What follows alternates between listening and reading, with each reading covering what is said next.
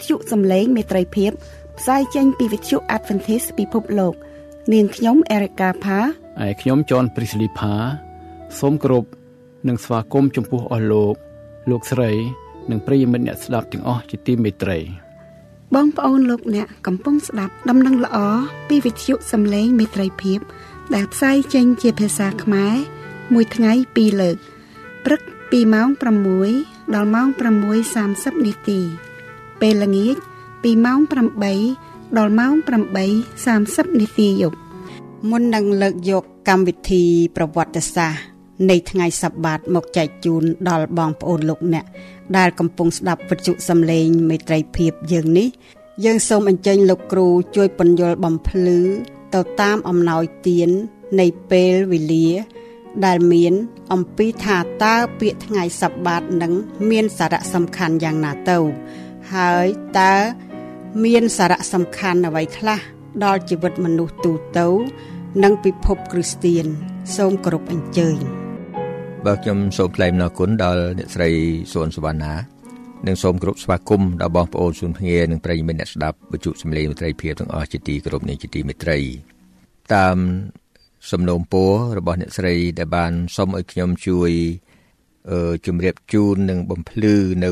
អត្តន័យយ៉ាងណាខ្លះនៅជុំវិញពាក្យថាថ្ងៃសបាតពីព្រោះថាមានកម្មវិធីរបស់យើង ជាហូហែមក យើងតែងតែលើកមកនិយាយអំពីថ្ងៃសបាតហើយពាក្យនេះហាក់ដូចជាពាក្យដែលចម្លែកនៅក្នុងសង្គមនៅក្នុងទជានៃបងប្អូនប្រជាពលរដ្ឋខ្មែរយើងក៏ដូចជានៅក្នុងសង្គមយើងដែរ ប៉ុន្តែនៅថ្ងៃនេះខ្ញុំសូមលើកជម្រាបជូនបងប្អូនលោកអ្នកទាំងបងប្អូនដែលនៅក្នុងគេហៅថាសង្គមយើងទាំងមូលក៏ដូចជានៅបងប្អូននៅខាងផ្នែកខាងសង្គមខាងគេហៅ Christendom គឺខាងពិភពខាង Christian ក៏សូមជម្រាបជូនបងប្អូនទាំងអស់គ្នា ដើម្បីយើងបានពិចារណាមើលជាមួយគ្នា នៅក្នុងខ្លឹមសារនេះពាក្យនេះពីព្រោះថានៅក្នុងពាក្យ ដែលយើងលើកមកជម្រាបជូនបងប្អូនប្រសិនបើបងប្អូនមិនយល់មិនស្គាល់អំពីខ្លឹមសារអំពីអត្ថន័យនៃពាក្យនោះហាក់ដូចជាមិនមានសារៈសំខាន់អ្វីសម្រាប់បងប្អូនដើម្បីនឹងស្វែងយល់ដើម្បីនឹងចំណាយពេលណាបងប្អូនក៏អាចនឹងសួរថាតើខ្ញុំនឹងចំណាយពេលទៅតើមានប្រយោជន៍អ្វីនេះគឺជាចំណុចមួយសំខាន់ណាស់ថ្ងៃនេះខ្ញុំនឹងនាំមកជម្រាបជូនបងប្អូនសុនភ្ញាទាំងអស់ឲ្យបានជ្រាបអំពី ពាក្យខ្លឹមសារនៅជុំវិញនៃពាក្យថាថ្ងៃសបាតនេះ ដើម្បីជូនបងប្អូនទាំងអស់គ្នាឲ្យបងប្អូនបានយល់ហើយថាខ្លឹមសារដ៏សំខាន់នៃពាក្យនេះនឹងអាចនាំឲ្យបងប្អូនទាំងអស់គ្នានឹងយកចិត្តទុកដាក់ស្ដាប់ហើយនឹងគិតពិចារណាមើលឡើងវិញជាមួយគ្នាខ្ញុំសូមលើកយកចំណុច4យ៉ាងតាក់ទងទៅនឹងពាក្យថ្ងៃសបាតនេះ នៅក្នុងព្រះគម្ពីរបរិសុទ្ធគឺថាពាក្យថ្ងៃសបាតនេះយើងឃើញនៅក្នុងការបកប្រែនៅព្រះគម្ពីរគេហៅគួរខបហ្នឹងគឺគេមានប្រែថាថ្ងៃសបាត គឺគេប្រែត្រង់ពីពាក្យភាសាដើមភាសាហេប្រឺប៉ុន្តែលោកសរសេរសបជាងបសំយោគកសញ្ញានឹងតួនៅក្នុងន័យនេះគឺថាខ្ញុំបានធ្វើការស្រាវជ្រាវអឺតាក់ទងទៅនឹងខ្លឹមសារ ទៅនឹងអត្តន័យហើយនឹងថាតើមូលហេតុអ្វីបានជាយើងទាំងអស់គ្នាត្រូវយល់អំពីពាក្យនេះចំណុច4យ៉ាងដែលខ្ញុំលើកមកជម្រាបជូនបងប្អូនគឺថាមានចំណុចទី1ខ្ញុំបានរកឃើញនៅក្នុងព្រះគម្ពីរបោះសុតនេះគឺថាតកតួងទៅនឹងការបង្កើតលោក ពេលដែលព្រះជាម្ចាស់បានបង្កើតលោកសន្និវាសទាំងមូលនៃរបស់សពសារពើនៅក្នុងរយៈពេល6ថ្ងៃ រួចនៅក្នុងថ្ងៃទី7គឺព្រះអង្គទ្រង់បានសម្រាកពីគ្រប់កិច្ចការទាំងអស់ហើយក៏ទ្រង់បានប្រទានពរនិងញែកថ្ងៃនោះចេញជាបរិសុទ្ធបងប្អូនលោកអ្នកមានព្រះគម្ពីរបរិសុទ្ធជាមួយមើលជាមួយខ្ញុំហើយមុននឹងយើងមើលបទបន្ទូលជាមួយគ្នាសូម យាងព្រះវិញ្ញាណបរិសុទ្ធបានគង់សន្តិដ្ឋជាមួយបងប្អូនទាំងអស់គ្នាព្រះវរបិតាទូលគុំសូមយាងព្រះវិញ្ញាណបរិសុទ្ធរបស់ព្រះអង្គបានគង់សន្តិដ្ឋជាមួយនឹងទូលបង្គំទាំងអស់គ្នានៅពេលដែលទូលបង្គំបានមើលនៅបទបន្ទូលរបស់បរិសុទ្ធរបស់ព្រះអង្គសូមទ្រង់បើកសម្ដែងនិងប្រទានឲ្យយើងខ្ញុំយល់ពីផ្លូវសង្គ្រោះរបស់ផងទ្រង់ទូលគុំសូមអធិដ្ឋានដែលនៅព្រះនាមព្រះអង្គចាស់ព្រះយេស៊ូវគ្រីស្ទបងប្អូនលោកអ្នកនៅសន្លឹកទី2គម្ពីរលោកុបាទចំពុក2ខ 1ខ2ខ3ដូច្នេះផ្ទៃមេឃនិងផែនដីក៏បានរួចជាស្រេចព្រមទាំងរបស់សពសារពើផងលុះដល់ថ្ងៃទី7ការដែលទ្រង់ធ្វើនោះបានហើយជាស្រេចទ្រង់ក៏ឈប់ផ្អាកសម្រាកនៅថ្ងៃទី7នោះពីគ្រប់ទាំងការដែលទ្រង់ធ្វើព្រះទ្រង់ក៏ប្រទានពរដល់ថ្ងៃទី7នោះព្រមទាំងញែកទុកជាថ្ងៃបរិសុទ្ធពីព្រោះនៅថ្ងៃនោះទ្រង់បានឈប់សម្រាកពីគ្រប់ទាំងការដែលទ្រង់បានបង្កើតបានធ្វើបងប្អូនលោកអ្នក នេះគឺជាចំណុចមួយដែលថាថ្ងៃទី7នោះ គឺជាថ្ងៃដែលព្រះអង្គទ្រង់បាន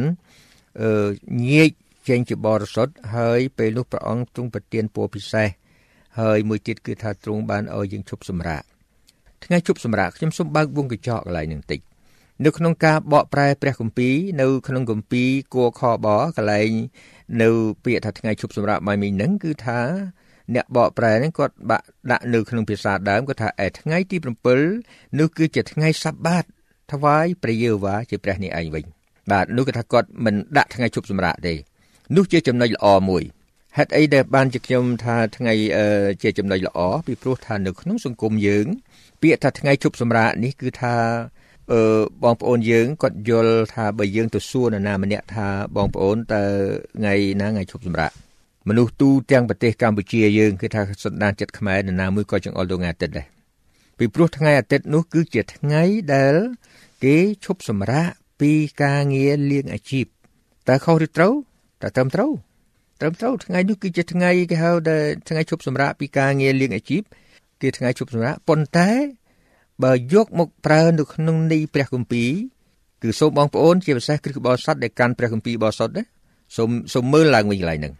ពីពួកបងប្អូនបើមិនមើលទេពាក្យសម្រាយនេះអាចនាំឲ្យយើងធ្លាក់ចុះឬឲ្យយើងបាននៅចិត្តព្រះនេះខ្ញុំសូមរំលឹកជូនបងប្អូនពីព្រោះថាម៉េចថ្ងៃជប់សម្រាប់បើយើងយល់ថាថ្ងៃជប់សម្រាប់គឺយើងថ្ងៃអាទិត្យបន្តិចទៀតយើងមើលទាំងអស់គ្នាឃើញថាថ្ងៃទី7គឺជាថ្ងៃសបាថ្វាយព្រះយេហូវ៉ាកន្លែងបើយាយចំថាជាថ្ងៃសបាតថ្វាយបង្គំព្រះយេហូវ៉ាយើងអត់មានយកថ្ងៃទៅថ្វាយព្រះបានទេបាទគឺថ្វាយបង្គំព្រះដូច្នេះយើងឃើញថា ចំណុចនេះសំខាន់ណាស់ទៅទូទាំងព្រះគម្ពីរទាំងអស់ព្រះគម្ពីរដែលបកប្រែទៅជាភាសាខ្មែរហ្នឹងកន្លែងណាដែលនិយាយថាថ្ងៃឈប់សម្រាកហ្នឹងណាគឺតាំងពីលោកកបាត់រហូតដល់ព្រះគម្ពីរវិវរណៈខ្ញុំសរសើរគម្ពីរគួរខបរងថាលោកអ្នកបកប្រែហ្នឹងលោកដាក់ថាថ្ងៃសបាតមិនហ៊ានប្រែទេបាទទុកឲ្យបងប្អូនយល់ខ្លួនឯងចុះបាទ ពីព្រោះថាដូចយើងរៀនភាសាអង់គ្លេសបើពាក្យសារណាដែលពិបាកខ្លាំងមែនទែនទៅបើក dictionary មើលខ្លួនឯងទៅបើកវចនានុក្រមមើលខ្លួនឯងទៅឃើញឃើញខ្លឹមសារឥឡូវយើងនាំគ្នាមើលពីថ្ងៃនឹងពីព្រោះថានៅក្នុងសន្តានចិត្តបងប្អូន ជាពិសេសបងប្អូនដែលមិនមិនបានស្គាល់ច្បាស់ហ្នឹងក៏គិតឃើញថា ពាក្យនោះមិនសូវមានតម្លៃហើយមិនមែនជាកំហុសបងប្អូនទេគឺថានេះមកពីអីពីព្រោះថាយើងមិនបានស្គាល់ ឥឡូវនេះខ្ញុំនាំបងប្អូនមើលគឺយើងឃើញ progression ពីថ្ងៃទី7ហ្នឹងគឺជាថ្ងៃឈប់សម្រាកគឺថ្ងៃសបាតថ្វាយបង្គំព្រះឥឡូវបងប្អូនមើលទៅទៀតសួរថាតើថ្ងៃណាដែលជាថ្ងៃនឹងពិតប្រាកដនោះណាពីព្រោះសពថ្ងៃនេះនៅក្នុងពិភពគ្រីស្ទានហ្នឹងគេថាមានបងប្អូនមួយចំនួនគាត់គាត់និយាយថានៅថ្ងៃសបាតថ្ងៃទី7គឺថ្ងៃអាទិត្យឥឡូវយើងយើងនាំគ្នាមើលពីគោលសំខាន់នៅក្នុងព្រះគម្ពីរគេហៅថា biblical landmark biblical landmark នៅក្នុងព្រះគម្ពីរគឺថាវាពិសេសជាង ប្រកដីតិន Gregorian ឬប្រកដីតិនអីផ្សេងទៀតគឺថាមិនមិនស្មើនឹងព្រះគម្ពីរទេព្រោះព្រះគម្ពីរបានសរសេរនៅគម្ពីរសញ្ញាថ្មីសរសេរតាំងពីនៅក្នុងសតវត្សទី1ម្លេះគឺមិនទាន់គ្រិស្តសករាជមិនទាន់ទាំងបាន100ផង បាទពោះគម្ពីរទាំងអស់នៅក្នុងគម្ពីរសញ្ញាថ្មីចាប់ផ្ដើមសរសេរពី គ្រិស្តសករាជ55ទៅចប់នៅ95បាទ45ទៅ95វាជា50ឆ្នាំបាទ50ឆ្នាំចប់បាទដូច្នេះហើយអានឹងហើយដែលយើងអាចយកជាគេហៅថាជាជាគោលសំខាន់នៅក្នុងការដែលយើងស្វែងរកខ្ញុំអញ្ជើញបងប្អូនមើលទៅគម្ពីរម៉ាថាយនៅចំពោះ28ហើយមានទៀនបងប្អូនអ្នកដែលចេះព្រះគម្ពីរខ្ញុំជម្រាបជូនថាគម្ពីរដំណឹងល្អទាំង4ហ្នឹងនៅចំពុកចុងក្រោយគេ ម៉ាថាយចំពុក28លូកាចំពុក24យូហានចំពុក20 21ប៉ុន្តែមិនដឹងយ៉ាងម៉េចគេថាមកនិយាយនៅក្នុង20វាហើយ4ចុះណា4 28 24 20 16 16គឺគម្ពីរម៉ាកុសគម្ពីរម៉ាកុសគម្ពីរយ៉ូហានចំពុក20គម្ពីរលូកាចំពុក24យើងមើលពីខ1ដល់ខ3បាទបងប្អូនលើអញ្ជើញមើលម៉ាថាយចំពោះ28ខ1ជាមួយខ្ញុំក្រោយថ្ងៃជប់សម្រាកកាលរៀបនឹងចូលថ្ងៃទី1ក្នុងអាទិត្យនោះ ម៉ារ៉ាជាអ្នកស្រុកម៉ាតាឡានិងម៉ារ៉ាមួយទៀតក៏នាំគ្នាទៅមើលភ្នោនោះមានក៏ក្រើកដីជាខ្លាំងត្បិតមានទេវតានេះព្រះអម្ចាស់ចុះមកពីលើមេឃមកប្រមៀលថ្មចេញពីភ្នោហើយអង្គុយនៅលើបងប្អូនមើលខ6តែទ្រង់មិនគង់នៅទីនោះទេត្បិតទ្រង់មានបជនរស់ឡើងវិញហើយបងប្អូនមានពេលមើលទាំងអស់ចុះខ្ញុំចង់សន្សំពេលខ្លះព្រោះពេលវេលាយើងខ្លីកន្លែងនេះបងប្អូនលោកអ្នកដឹងច្បាស់ណាស់ថាថ្ងៃក្រោយថ្ងៃឈប់សម្រាកឬយើងដាក់ ជំនួសក្រោយថ្ងៃទី7ឬក្រោយថ្ងៃសបាតណាកាលនឹងរៀបចូលចូលថ្ងៃទី1ក្នុងអាទិត្យ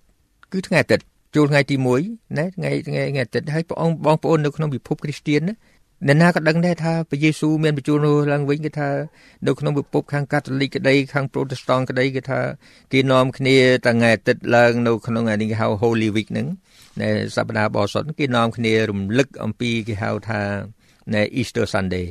ថ្ងៃដែលព្រះយេស៊ូវមានបញ្ជូនរស់ឡើងវិញដូច្នេះថ្ងៃអាទិត្យថ្ងៃទី1យើងរាប់មើលថ្ងៃសបាតគឺថ្ងៃទី7ណាមើលអាទិត្យទី1ច័ន្ទទី2អង្គារទី3ពុធទី4ពហុទី5សុក្រទី6សៅរ៍ទី7ដូច្នេះថ្ងៃដែលចែងនៅក្នុងព្រះគម្ពីរលោកុបាទនេះចំពុក2ខ2ដល់ខ3នេះបញ្ជាក់ប្រាប់យ៉ាងច្បាស់ថាជាថ្ងៃសបាតថ្វាយបង្គំព្រះ ដែលត្រូវនឹងថ្ងៃទី7ដែលយើងរាប់ថ្ងៃអាទិត្យថ្ងៃទី1ថ្ងៃទី7គឺថ្ងៃសៅរ៍តែនេះឯងដែលខ្ញុំសូមអញ្ជើញបងប្អូនយើងទាំងអស់គ្នានៅក្នុងពិភពគ្រីស្ទៀនយើងពិចារណាមើលឡើងវិញបងប្អូនជាងបានវិទ្យុសំឡេងត្រីភាពយើងនឹងលើកយកនៅប្រវត្តិខ្លះប្រវត្តិសាស្ត្រមានតែប្រវត្តិសាស្ត្រទេដែលអាចបំភ្លឺបំភ្លឺផ្លូវរបស់យើងឲ្យបានដឹងបាទដូចក្នុងគម្ពីរយេរេមៀវិញថាអោយឈរនៅតាមផ្លូវហើយសួររកផ្លូវចាស់ គឺថាបានស្ដីថាឲ្យយើងមើលនៅប្រវត្តិសាស្ត្រស្រាវជ្រាវមើលថាតើប្រវត្តិសាស្ត្រណាមួយដែលត្រឹមត្រូវដែលយើងអាចនឹងយកជាការបានពីព្រោះនៅក្នុងរឿងនេះមានសារៈសំខាន់ណាស់ហើយខ្ញុំគ្រាន់តែជំរាបជូនបងប្អូនថាមិនសូវមានពេលនឹងអត្ថាធិប្បាយឲ្យច្បាស់លាស់ទេប៉ុន្តែថ្ងៃនេះខ្ញុំលើកពីចំណុចនៃមួយហ្នឹងគឺថាពិធីថ្វាយបង្គំព្រះនៅថ្ងៃសបាតគឺជាពិធីដ៏អស្ចារ្យដ៏ពិសិដ្ឋមួយដែលព្រះជាម្ចាស់បានបង្កើតតាំងពីនៅសួនស្បៃដែន ឥឡូវបងប្អូនលោកអ្នកឃើញច្បាស់ហើយថាថ្ងៃនេះគឺជាថ្ងៃទី7គឺជាថ្ងៃសៅរ៍ដែលយើងថ្វាយបង្គំព្រះតាមព្រះគម្ពីរឥឡូវបងប្អូនមើលចំណុចដែលខ្ញុំបង្ហាញចំណុចមួយទៀតត្រង់ថាសារៈសំខាន់នៃថ្ងៃសបាតនោះគឺមានលក្ខណៈមួយគឺជាសញ្ញាដ៏នៅអស់កលសញ្ញាដ៏នៅអស់កលតើយ៉ាងម៉េចខ្លះដែលយើងហៅថាសញ្ញាដ៏នៅអស់កលបងប្អូនលោកអ្នកមើលជាមួយខ្ញុំសិននៅនិខមណាំងចំពុក31 យើងនឹងឃើញថាជាព្រះបន្ទូលរបស់ព្រះអង្គដែលចង្អុលបង្ហាញច្បាស់ណាស់ថាអឺនៅនិខមណាំងចំពុក31ខ12ថាព្រះយេហូវ៉ាទ្រង់ក៏បង្គាប់ម៉ូសេឲ្យប្រាប់ដល់ពួកកូនចៅអ៊ីស្រាអែលថាត្រូវឲ្យឯងរាល់គ្នាកាន់អស់ទាំងថ្ងៃជប់សម្រាករបស់អញជាកុំខានបាត់នោះជាទីសម្គាល់ដល់អញហើយនឹងឯងរាល់គ្នានៅអស់ទាំងដំណរតទៅអានឹងហើយអស់អស់អស់ទាំងការគឺអស់ទាំងដំណរតទៅ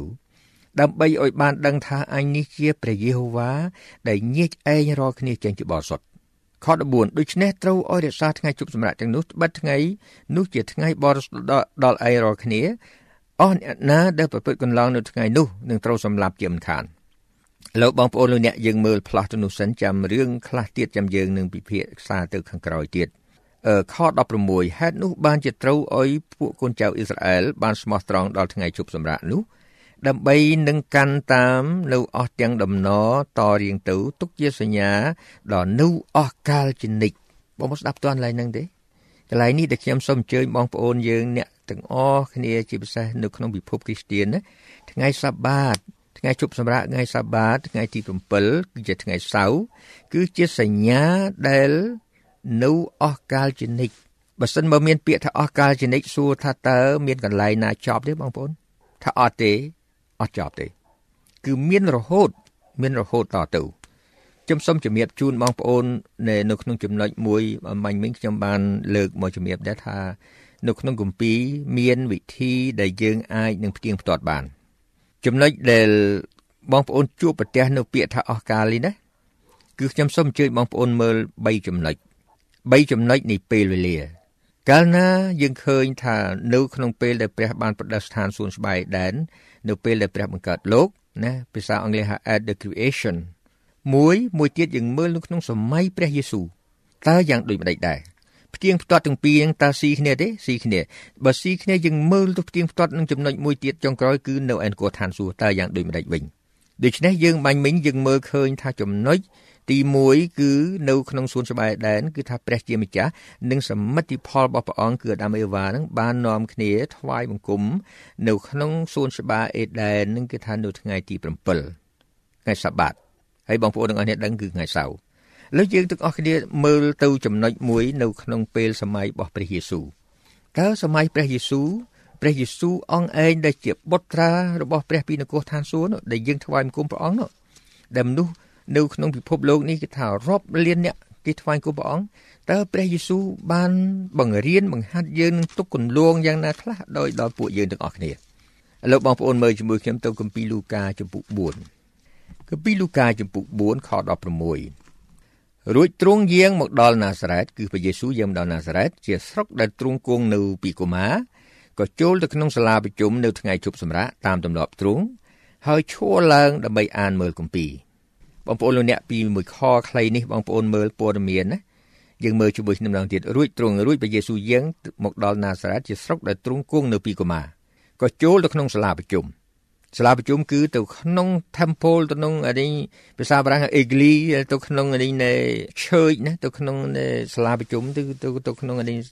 នៅថ្ងៃណាបងប្អូននៅថ្ងៃជប់សម្រាប់ ថ្ងៃជប់សម្រាប់យើងដឹងហើយថ្ងៃជប់សម្រាប់នេះគេថាវា synonym នេះថ្ងៃជប់សម្រាប់គឺថ្ងៃទី7ថ្ងៃសបាថ្ងៃសៅរ៍ព្រះយេស៊ូវកាន់ថ្ងៃសបាណាតើយើងចូលម្ដងឬក៏យើងចូលប្រហែលដងបងប្អូនតាមទម្លាប់ទ្រង់រហូតនៅក្នុងមុខបជនរបស់ព្រះអង្គនេះគឺថាគឺថាទ្រង់យាងចូលនៅថ្ងៃសបានៅរហូតចូលថ្វាយបង្គំព្រះហើយឈរឡើងដើម្បីអានមើលគម្ពីរគឺនៅក្នុងលក្ខណៈនេះថ្វាយបង្គំព្រះបងប្អូនគេនេះឥឡូវយើងមើលឃើញព្រះយេស៊ូវ ធ្វើស្របគ្នាទៅនឹងពេលដែលព្រះអង្គទ្រង់បានបង្កើតអឺសួនច្បារដែនហើយបាននៅថ្ងៃទី7នោះទ្រង់បានបង្កើតប្រព័ន្ធថ្វាយបង្គំដូច្នេះច្បាប់នោះគឺជាច្បាប់របស់ព្រះនោះឯងដដែលនោះដូច្នេះព្រះអង្គមិនបានផ្លាស់ប្ដូរទេឥឡូវយើងទាំងអស់គ្នាមើលមួយទៀតដែលចំណុចចុងក្រោយដែលយើងគួរផ្ទៀងផ្ទាត់មើលបើសិន3ចំណុចយើងអូទៅត្រង់ជួរគ្នាណាអាមែន លោកបងប្អូនជើញបើកមើលគម្ពីរអេសាយគម្ពីរអេសាយគេថាអ្នកណាដែលមើលការផែនការសង្គ្រោះរបស់ព្រះអង្គយើងឃើញគម្ពីរអេសាយសំខាន់ណាស់ខ្ញុំជឿបងប្អូនមើលទៅគម្ពីរអេសាយចំពុក66នៅ66យើងមើលទៅខ3ខចុងក្រោយមកអស់3ខចុងក្រោយ3ខចុងក្រោយនិយាយពីអីថាត្បិតផ្ទៃមេឃត្បិតដែលផ្ទៃមេឃថ្មីនឹងផែនដីថ្មី ដែលអញនឹងបង្កើតឡើងនោះដែលព្រះនឹងបង្កើតឡើងនោះនឹងស្ថិតថេរនៅចំពោះអញជាយ៉ាងណាព្រះយេហូវ៉ាទ្រង់មានបន្ទូលថាពូជពងរបស់ឯងនឹងឈ្មោះឯងរាល់គ្នាក៏នឹងស្ថិតថេរនៅយ៉ាងនោះដែរគ្រានោះនឹងកើតមានដូចនេះថា ចាប់តាំងពីថ្ងៃចូលខែ1ដល់រាបដល់ថ្ងៃចូលខែ1ទៀតហើយពីថ្ងៃឈប់សម្រាកមួយដល់រាបដល់ថ្ងៃឈប់សម្រាកមួយទៀត នោះគ្រប់មនុស្សទាំងអស់នឹងមកក្រាបថ្វាយបង្គំនៅចំពោះអញនេះជាព្រះបន្ទូលនៃព្រះយេហូវ៉ាយើងឈប់ទៅនឹងសិនបងប្អូនមើលខ22ដែលត្បិតដែលផ្ទៃមេឃថ្មីផែនដីថ្មី គឺបញ្ជាក់ប្រាប់អំពីនគរឋានសួគ៌នេះគឺជាទស្សនភាពនេះការថ្វាយបង្គំព្រះនៅទៀបបល្ល័ង្ករបស់ព្រះអង្គនៅនគរឋានសួគ៌នេះហើយដែលយើងទាំងអស់គ្នាជាសក្តីសង្ឃឹមដ៏មានពររបស់អ្នកដែលរងចាំព្រះយេស៊ូវយកមកលើកទី2 លើកដល់ពេលយើងមើលខ23ហើយចាប់ពីថ្ងៃឈប់សម្រាកមួយដល់រាបដល់ថ្ងៃឈប់សម្រាកមួយទៀតកន្លែងនេះយើងអាចជំនួសបានដោយពាក្យអីហើយពីថ្ងៃសាបាតមួយនេះពីថ្ងៃទី7មួយទៅដល់ថ្ងៃទី7មួយទៀតគឺពីថ្ងៃសាបាតគឺថ្ងៃអីបងប្អូនពីថ្ងៃសៅរ៍មួយដល់ថ្ងៃសៅរ៍មួយទៀតបងប្អូនលោកអ្នកពិចារណាមើលប៉ុណ្ណេះជាមួយខ្ញុំ នៅក្នុងពិភពគ្រីស្ទានជាពិសេសពិភពគ្រីស្ទានបងប្អូនលោកអ្នកដែលមិនទាន់បានចូលជាគ្រីស្ទានបងប្អូនលោកអ្នកក៏ពិចារណាថានេះជាប្រពោះអស្ចារ្យប៉ុន្តែចំពោះបងប្អូនដែលចូលថ្វាយគុំហើយសពថ្ងៃអ្នកគ្រីស្ទានមានការថ្វាយគុំច្រើនណាស់បាទជាពិសេសប៉ុន្តែបែងចែកទៅមានពីរទេមានអ្នកថ្វាយគុំថ្ងៃសាបាតនិងអ្នកថ្វាយគុំព្រះអង្គមិនមែនថ្ងៃសាបាត one is the sabbath keeper another one is the non sabbath keeper បងប្អូនពិចារណាមើលថាតើព្រះរបស់យើង ជាព្រះនៃសន្តាប់ធ្នាប់ ណាជាព្រះនៃនៃរបៀបរៀបរយដូច្នេះតើទៅនគរឋានសួគ៌មានថ្ងៃពី3ទៀតទេបងប្អូនអត់ទេណាកន្លែងនេះមើលច្បាស់ណាពីសាបាត1ដល់សាបាត1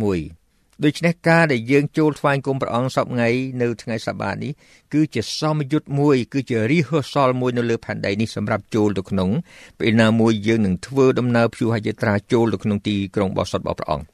ចាសូមអរគុណលោកគ្រូចំពោះការពន្យល់សង្ខេបខ្លី តែក្បោះក្បាយនឹងមានខ្លឹមសារដែលយើង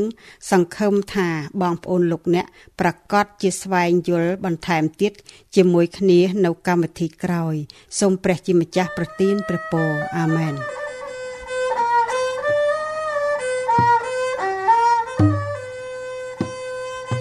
ព្រះយេហូវ៉ាអើយកុំបន្ត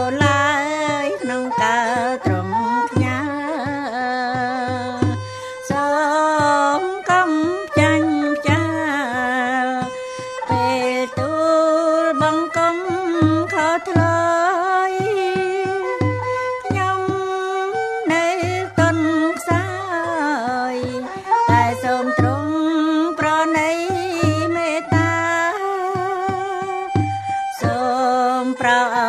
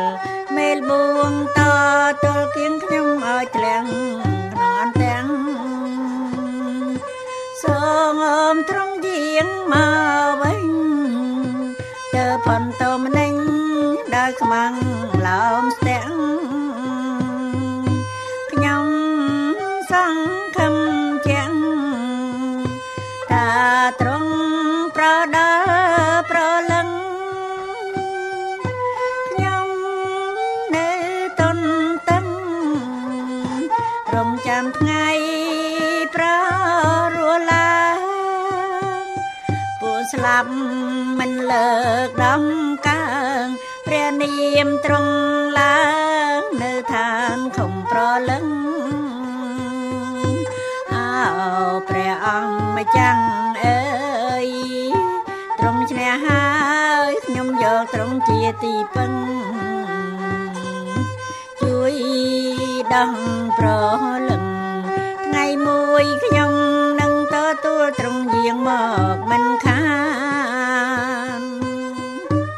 អ្នកមានសំណួរឬសំណូមពរផ្សេងផ្សេងឬចង់ដឹងពីក្រុមជំនុំដែលនៅជិតសូមតាក់ទងមកការិយាល័យវិទ្យុសំឡេងមេត្រីភាព តាមទូរស័ព្ទលេខ012 34 96 64ឬអ៊ីមែលទៅ vol@awr.org កម្មវិធីសម្រាប់ថ្ងៃនេះចប់តែប៉ុណ្ណេះ វិទ្យុយើងសូមថ្លែងអំណរគុណជាអតិបរមា ចំពោះការយកចិត្តទុកដាក់ស្ដាប់របស់អស់លោកអ្នកនាង សូមព្រះជាម្ចាស់នៃមេត្រីភាពប្រោះប្រទានព្រះពរគឺសេចក្តីសុខសន្តិភាព អំណរនិងសុភមង្គលជានិច្ចនិរន្តរ៍រៀងទៅសួស្តី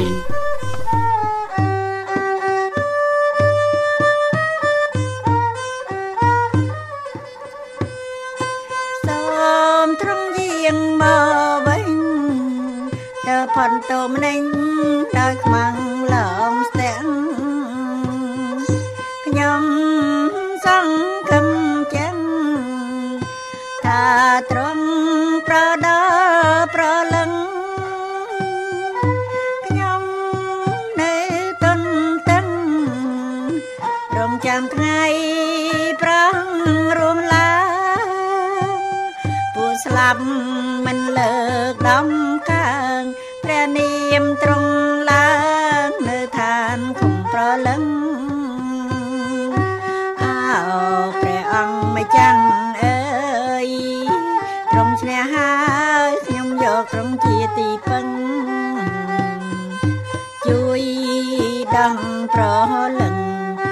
មួយខ្ញុំនឹងទទួលត្រង់យាងមកមិនខា